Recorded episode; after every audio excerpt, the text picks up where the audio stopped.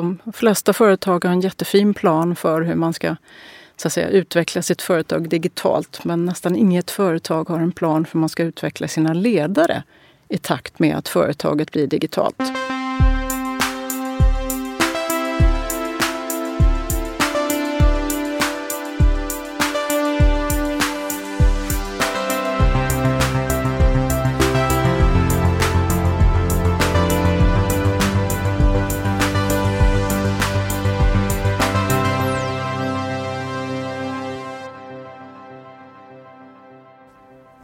Dundrar vidare med Heja Framtiden. Jag heter Christian von Essen. Vi är på Helio GT30 i Stockholm. Jag sitter med Åsa Degermark. Välkommen till podden. Tack så mycket. Kul att vara här. Verkligen. Vi ska prata lite ledarskap och AI idag. Stämmer. Det är min passion. Tur att någon har det som passion. eh, författare till en ny bok som heter Future Boss. A No Nonsense Guide to Leadership in the Age of AI. Stämmer. Men vi kan börja med lite uh, din bakgrund. Du sa att du hade ägnat halva ditt yrkesverksamma liv åt att förklara teknik på ett enklare sätt. Ja, precis. Jag har haft förmånen att få jobba på Ericsson i många år och eh, på avdelningen för forskning, utveckling och innovation. Och där har då som kommunikationschef där har naturligtvis min roll varit att beskriva telekomtekniken, göra den begriplig och framförallt få andra att förstå nyttan med den. Så jag jobbade ju eh, många år med 5G bland annat och försöka förklara vad, vad har vi för nytta då med nästa generation mobiltelefoni. Så jag brinner för teknik. Jag förstår inte teknik speciellt mycket själv. Jag har lärt mig att förstå nyttan av teknik. Mm. Och det är den jag brinner för idag. Teknik är underbart när den gör nytta för oss, för människor och samhällen. Uh, och det är det jag försöker förmedla också i, i, både min bok men också när jag jobbar med ledare. Att man behöver inte förstå själva tekniken. Det finns ju specialister för det. Men det är bra om man kan förstå vad tekniken kan hjälpa till med. Precis, men gick du från Ericsson till en slags konsultroll då? Eller? Ja, jag valde att öppna eget och valde att jobba med mina tre passioner då som är digital transformation, ledarskap och kommunikation. Och de är ju ofta i kombination. Eh, jag brukar säga till företagen så här att de flesta företag har en jättefin plan för hur man ska så att säga, utveckla sitt företag digitalt. Men nästan inget företag har en plan för hur man ska utveckla sina ledare i takt med att företaget blir digitalt. Här kommer jag in och hjälper till så att säga, i, i den fasen och få ledarna att gå från kanske ett mer traditionellt ledarskap till att anpassa sig och förstå teknikens påverkan och, och få ett ledarskap som man då blir mer lyckosam i den digitala världen. Just det, och AI blir då nästan ett samlingsbegrepp för det digitala, alltså med ökad automatisering och så vidare. Absolut, och det är väl här media kanske trillar lite ner i diket ibland. AI är ju inget separat ifrån det vi med ett större begrepp kallar för digitalisering. AI-tekniken är ju en del av, av det. Och, men man kan väl kalla att det är kanske den nästa våg. Men vi har ju redan AI i vårt samhälle mycket med maskininlärning och automatisering som du säger. Det de jobbar hårt på nu det är ju att få den mer intelligenta AI på plats eh, som kommer att kunna påverka väldigt, väldigt mycket av det vi gör i framtiden. Och många forskare och experter som jag pratar med de säger att AI kommer på sikt att få större påverkan på vårt liv, på samhället än vad internet har påverkat hittills. Och då kan man förstå storheten i det. Det är därför jag själv är så nyfiken på AI. Jag tycker det är jättespännande. Men det är också hur vi managerar AI. Eh, det ligger väldigt stort ansvar på mänskligheten att hantera AI på rätt sätt. Och någon klok eh, professor sa att vi kan inte stoppa utvecklingen av AI. Men däremot så kan vi lära oss väldigt mycket hur vi ska hantera det på bästa sätt. Och det tycker jag är jättekloka ord och det är väl det här jag vill förmedla mycket till ledare men också medarbetare. Att AI är inget läskigt. Utan vi kan ju verkligen ta det till oss om vi gör det rätt och det kan ge stor fördel för, för människan och samhället och världen. Vad skulle du säga är då de stora utmaningarna för ledarskapet under de kommande, kommande decenniet? Så att säga? Utmaningarna och möjligheterna som jag vill mm. gärna kalla det. Det, ja, det finns fyra områden man kan konkretisera lite mer. Det ena är då stora förändringar på funktioner och roller till exempel och därmed organisationer.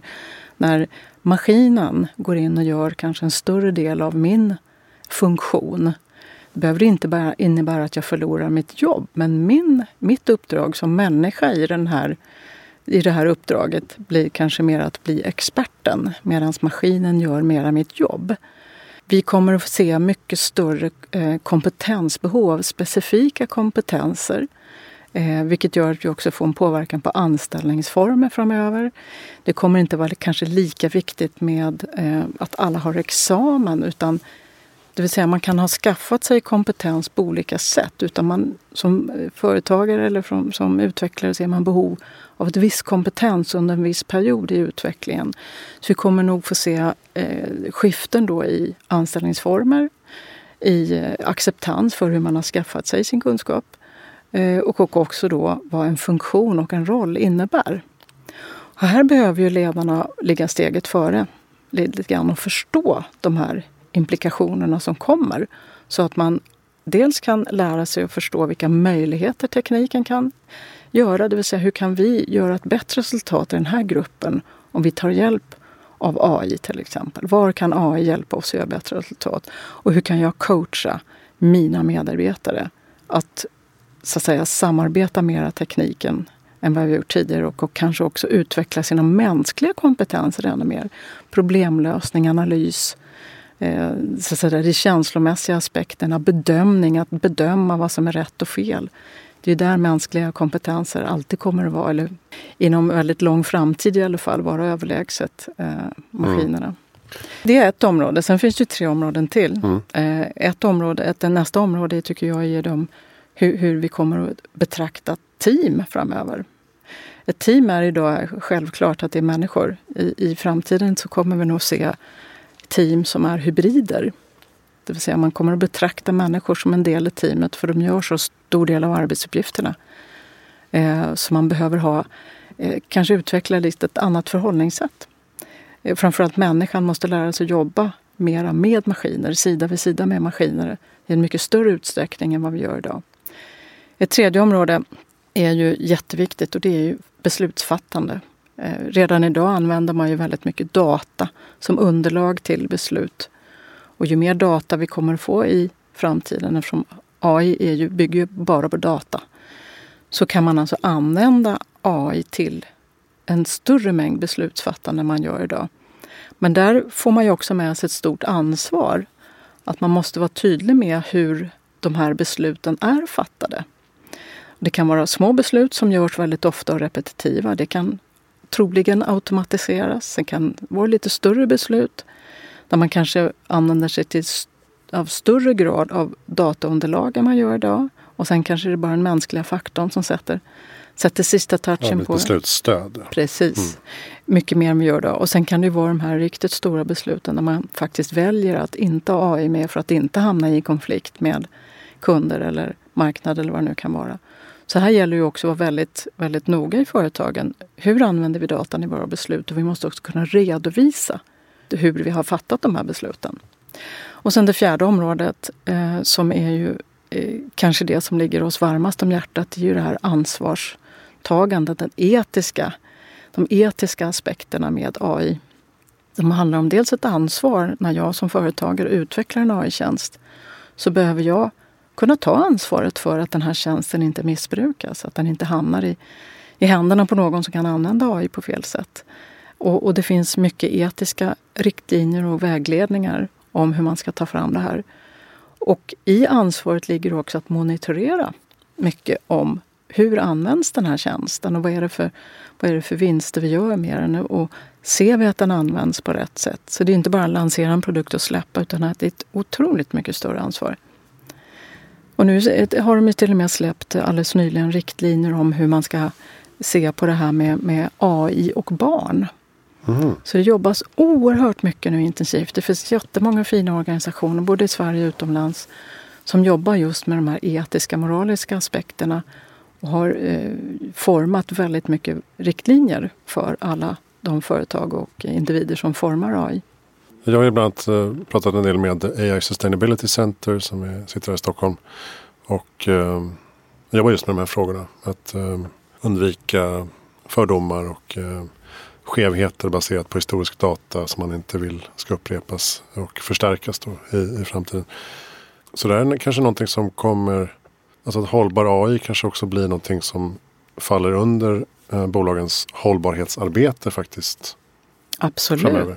Det tror jag kommer vara jätte, väldigt givet i det arbetet och jag tror också vi kommer få se nya roller av människor vars enda uppgift är att säkerställa att vi använder AI på rätt sätt och att datan är tillräckligt kvalitativ för att kunna använda.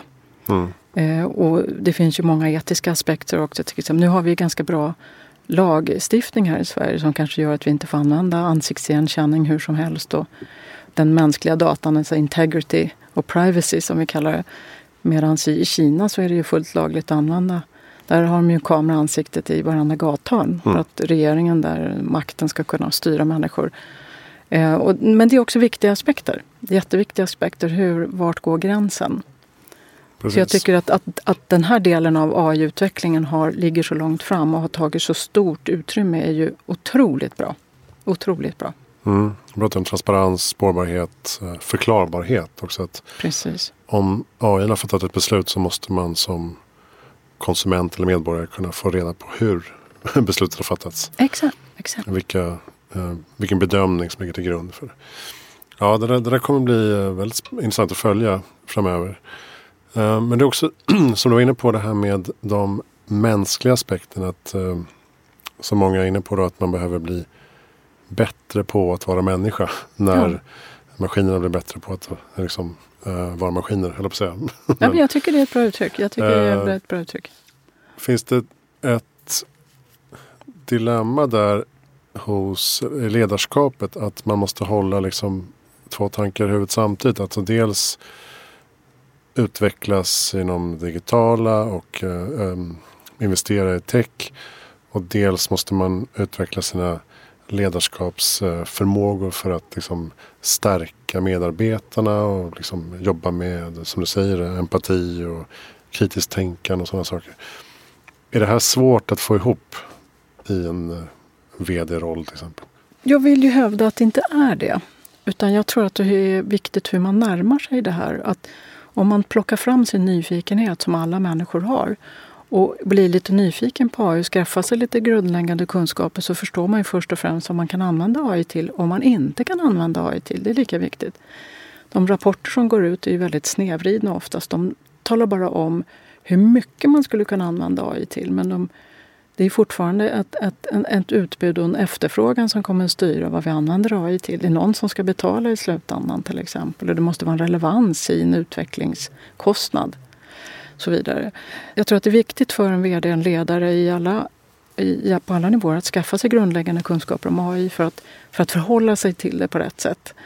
Eh, och i parallellt med det då att börja föra de här samtalen med sin grupp och se vilka möjligheter har vi i den här gruppen att utveckla vår verksamhet och göra ännu bättre ifrån oss genom att använda tekniken på rätt sätt. Och det kommer naturligtvis konsekvenser av att implementera till exempel AI och börja identifiera dem tillsammans och också då förstå vilka kompetenser behöver vi vässa. Om vi bara ska liksom ringa in och beskriva alla kompetenser med ett ord så skulle man ju kunna säga att det handlar ju väldigt mycket om problemlösning. Att vara, se och, och lösa problem, kanske till större del eh, än vad man har gjort tidigare. För AI är ju fortfarande någonting som är programmerat att lösa en viss uppgift. Men om vi kan gå mera in i problemlösningsfasen, bedömningsfasen, rätt och fel, eh, specialistrollen, övervaka det maskinerna gör Eh, och därmed med, med hjälp av vår erfarenhet och, och fingertoppskänsla för rätt och fel kunna, kunna tillsammans med, med tekniken skapa ännu bättre saker. Just det. Du hade något citat i boken här. Hire for attitude, train for skills. Ja. Alltså att uh, man måste inte kunna allt från början utan uh, det är rätt, rätt personlighet och rätt attityd som, som gäller. Precis. Jag tänkte det var intressant att komma in på det just med HR-biten och rekrytering och kompetens och lärande. Vad ser du där? Vad, vad ser vi för skifte? Här tror jag vi ser framförallt ett skifte i att kompetensen kommer att sättas till främsta rummet. Inte ålder, vilken skola man har gått i och så vidare. Utan vilken kompetensbas har man och vilken attityd har man till att lära sig nytt. Eh, och just som det här citatet säger, att förmågan att hela tiden lära sig nytt, ta sig an nya problem och viljan att utvecklas kommer att få mycket större utrymme i framtiden. Sen ser vi ju redan att HR, just rekryteringsprocesser är på väg att ändras. Att det är så att säga datadriven rekrytering mycket mer idag. Det vill säga första utgallringen kanske sker med hjälp av, av data om man tittar på kompetens. Eh, och här är det ju eh, en mänsklig faktor och en datadriven faktor som vi står emot varandra idag. Den traditionella rekryteringen är mycket en rekryterares eh, erfarenhet, kunskap om, om vissa saker och eh, där kan det ju då kliva in unconscious bias som det heter. Ehm, det vill säga att man gör en, en, en bedömning själv. Medan en datadriven bedömning går ju mycket mera på fakta. Så då tror jag personligen att det skulle bli mera rättvisa tillsättningar. Om man nu är, och mycket mer fokus på den kompetens man har. Men sen i nästa steg så handlar det också om människors attityd mycket mera. Vad har jag för förmåga att lära mig nytt hela tiden? Förmåga att ta till mig de här sakerna, förmågan att lösa problem kommer att få mycket större utrymme. Så vi kommer nog se ett ganska spännande skifte här eh, framöver där hela rekryteringsbranschen behöver nog titta in på de här sakerna. Mm, precis, och eh, både den enskilde medarbetaren och ledaren behöver kanske förändra sin syn på kompetensutveckling och hur man tillägnar sig nya förmågor och kompetenser. Kanske ett större utbud av kortare nischkurser och så vidare. Precis, precis. Eh, istället för Snävare kompetenser. Mm, som bygger på pusselbitar på precis. legobitar på det man redan har. Kanske sidospår men apropå utvecklingen av AI så sa du att du har jobbat en del med 5G och kommunicerat det. För jag tänker att när 5G kommer igång på bred front så kommer det innebära att eh, vi får ett större antal sensorer i samhället, Internet of Things och så vidare. Mer data, vilket innebär då bättre AI. Det stämmer, det finns ju korrelationer. Ja, precis. vad, vad ser du mer på den fronten? Du som har mer insyn i 5G-utvecklingen? Nu är det nu sin linda fortfarande. Ja, eh, eh, väldigt kortfattat så är ju 5G framförallt till för eh, industrin och så att säga, företagens förmåga att använda data. Vi som eh, du och jag, eh, vanliga medborgare, så att säga, vi klarar oss jättebra på 4G. Vi kanske vill ha 5G mest för att det ska synas i telefonen men vi kan ju ladda ner i väldigt stora mängder data redan nu med 4G. Mm. Men här är det framförallt stora industrier, alltså uppkopplade transporter uppkopplade eh, så att säga, jordbruksplantager. Eh, mycket automation. Fabriks. Ja, precis. Det är där 5G kommer verkligen att göra skillnad. Eh, naturligtvis så att säga, förlösa bilar och så vidare. Det, är ju, det, är ju, det bygger på mobil uppkoppling. Man kan inte ha en sladd eh, till de här mm. bilarna. Eh, så där kommer vi nog se de stora skillnaderna. Och man har jobbat i flera år med ett antal stort samarbetspartners som också i sin industri ligger i framkant och utvecklar. Alltså vi har sett att man har fört ner 5G i gruvan i Boliden för att kunna plocka upp människorna till marken. Att man sitter då och monitorerar, eller man säger med eh, remote eh, management av, av gruvan. Ja, till exempel ett, ett väldigt bra exempel tycker jag. Vi ser ju förarlösa transporter när man sparar väldigt mycket bränsle på att kunna köra närmare få upp väldigt mycket data från lastbilarna till exempel. Mm. Eh, hur, hur bönderna kan använda sensorer som du nämnde ut i sina grödor och få en mycket bättre monitorering av hur, hur grödorna mår. Och, och med AIs hjälp kan man då koppla ihop det med så att säga, väderlekstjänstens data och kunna då vara mycket mer eh, proaktiv i sin, i sin skötsel och sin vård av, av grödor till exempel. Precis, och samma inom, inom vårdsystemet. Vården jobbar... tycker jag är ett av de mest spännande områdena framförallt för AI. Mm. Eftersom det bygger på otroligt mycket mängd data om oss patienter. Och det är verkligen ett område som jag eh, kikar mycket på. För jag följer med spänning eh, allt man kan göra där. Redan idag kan man ju diagnostisera hudcancer eh, med AI bättre än vad läkare kan göra. Mm. Men här säger de att det bästa resultatet når man med ett samarbete människa-maskin. Och det tycker jag är en viktig essens av det här med tekniken. Att kombinationen människa-maskin kommer att göra väldigt, eh, väldigt bra saker i framtiden. Det vill säga maskinens förmåga att ta fram data men den mänskliga bedömningen. Så det exemplet tycker jag är jättefint. Det vill säga att ett samarbete läkare-maskin eh, gör de bästa diagnoserna. Av. Men sen bara tänk dig tanken när den dagen vi, vi regelmässigt kan lägga ihop alla världens eh, patientjournaler och AI läser in den här datan och man kan alltså få bedöma vilken, vilken diagnos har man ställt och vilket läkemedel har man gett och vad resultatet blivit. Det innebär ju på sikt att vi kommer att kunna få mycket bättre vård. Mm. Kunna tillsätta bättre eh, så att säga, medicin och ge rätt behandling redan från början. Vi kommer att kunna diagnostisera mycket tidigare. kommer kunna ta fram mycket eh, bättre läkemedel. Eh, så den branschen tycker jag är, alltså, det ligger ju en varmt om hjärtat. Då där tekniken gör väldigt gott. Att man med hjälp av tekniken kan skapa bättre, bättre förutsättningar för mm. oss. Hur ser du på debatten kring eh, den tekniska, vad säger man, teknologiska arbetslösheten så att säga. Alltså risken att eh, människor blir utan jobb för att AI blir så framträdande. Just nu har ju debatten en ganska mörk sida där naturligtvis. Inte minst för att vi har en, en, eh, ett covid, en covid-situation som också har gjort många arbetslösa. Men där har ju debatten varit mycket, alltså rubriken har varit mycket att AI tar över alla jobb och så vidare. Och ena veckan läser vi någon uh, stor analytikerfirmas rapport som säger så här många miljoner jobb och nästa vecka så läser man nej, men en annan analytikerfirma, så här många jobb kommer AI att skapa. Mm. Och det handlar ju om att vi inte vet.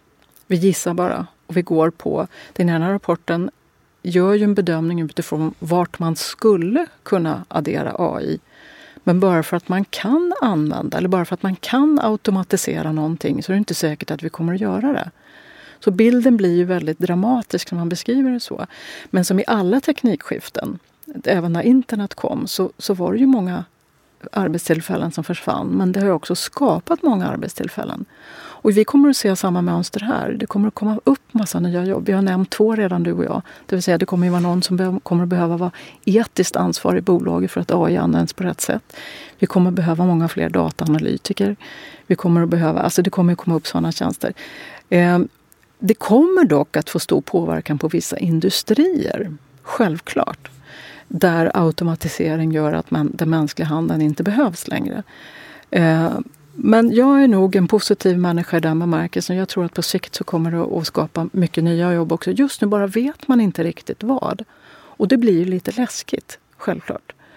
Men jag tror att man som, som ledare och som företagsledare ska känna så att men det här är en möjlighet för oss att göra bättre saker. Både för företaget, och för världen och för människan. Men vi vet inte riktigt hur det kommer att bli. Men det kommer att komma nya arbetstillfällen, det vet man. De alla, alla forskare och experter jag har pratat med är helt eniga om att det kommer att försvinna massa jobb men det kommer också komma mm. upp väldigt mycket nya jobb. Det är också lätt som nischad expert att sitta och säga att det kommer gå så himla fort allting. Men ute i verkligheten så går det kanske inte riktigt lika fort för det är kultur, det är juridik. Alltså om man tänker självkörande transporter till exempel. Precis.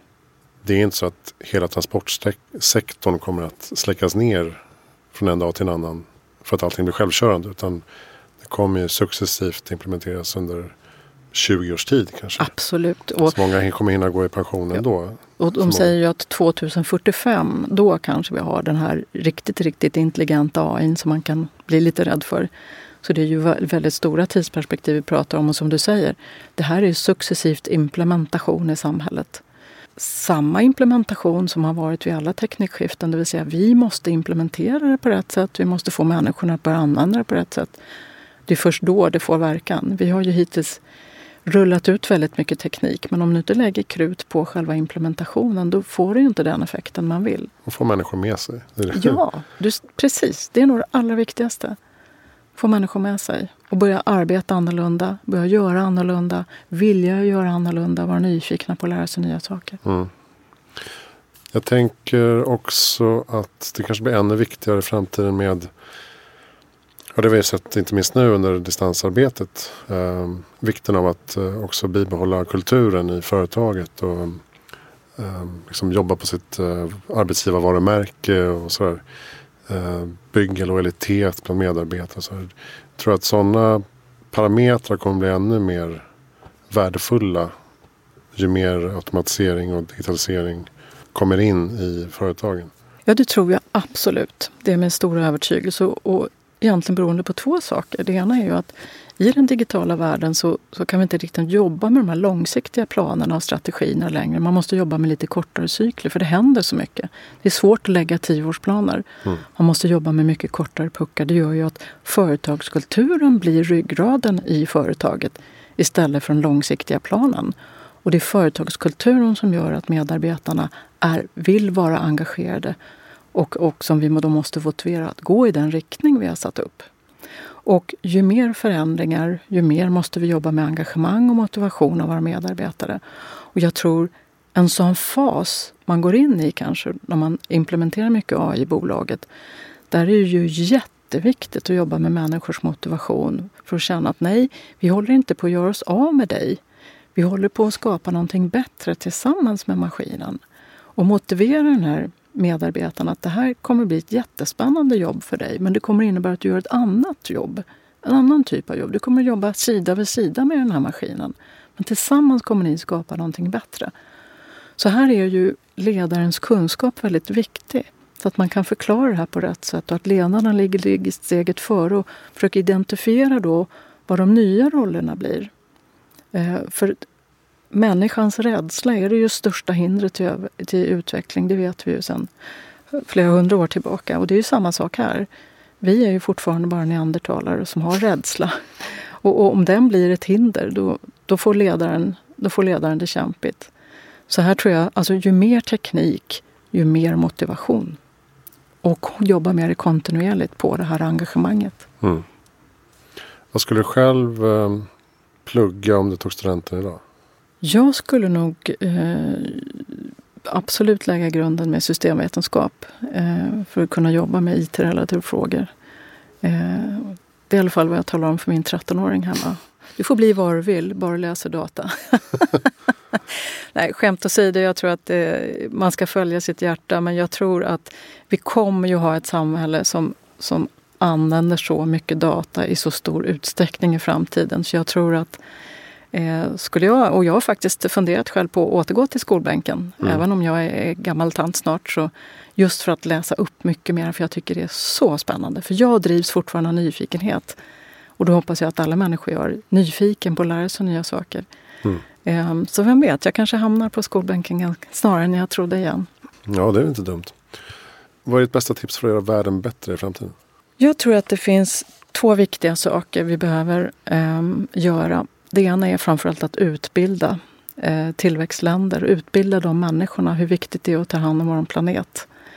Eh, för det är ju där vi ser att, att det går åt fel håll. Så jag tror att fortsatt utbildning i låglöneländer är oerhört viktigt. Och sen så tror jag att vi ska satsa ännu mer på cirkulär ekonomi. Det, den delen faller mig väldigt eh, alltså godgjord. Alltså den ligger mig så nära hjärtat när vi kan hitta ett cirkulärt samhälle. Minska konsumtionen och öka det cirkulära. Eh, med hjälp av tekniken, mm. självklart. Det är ju otroligt mycket hjälp vi kan få av tekniken här. Så det är två saker jag tycker är viktiga. Mm. Då ser man ju många spännande affärsmodeller som lägger sig som ett lager på andra ekosystem Precis. med hjälp av eh, tekniken. Så att säga. Precis. Jag pratade med en eh, alldeles nyligen med en kille som är eh, chef för en återvinningscentral. Och hela det företaget har ju ändrats nu. Nu utvinner ju de nya bränslematerial av skräpet. Mm. Så plötsligt har de blivit en producent av en ny råvara som kan användas till uppvärmning av hus. Från att ta vara en skräp, ta emot skräp och elda upp. Bara en sån sak. Ja, det finns ju inte mycket som är uh, waste längre. Nej, verkligen inte. Om någon bara tar tillvara på det. Precis. Har du några bra lästips förutom uh, Future Boss? Jag vill ju rekommendera Future Boss naturligtvis. För, men jag, av en anledning egentligen. För att den ger också en grundläggande kunskap om vad AI är. För jag tycker att AI är inget läskigt och det är verkligen någonting jag vill förmedla. Mm. Eh, en grundläggande kunskap om AI tycker jag skulle vara stor nytta för många Eh, inte bara ledare utan för, för människor i allmänhet i vårt samhälle. Eh, så den vill jag naturligtvis rekommendera. Och, och du fick så, upp den på Amazon sa du?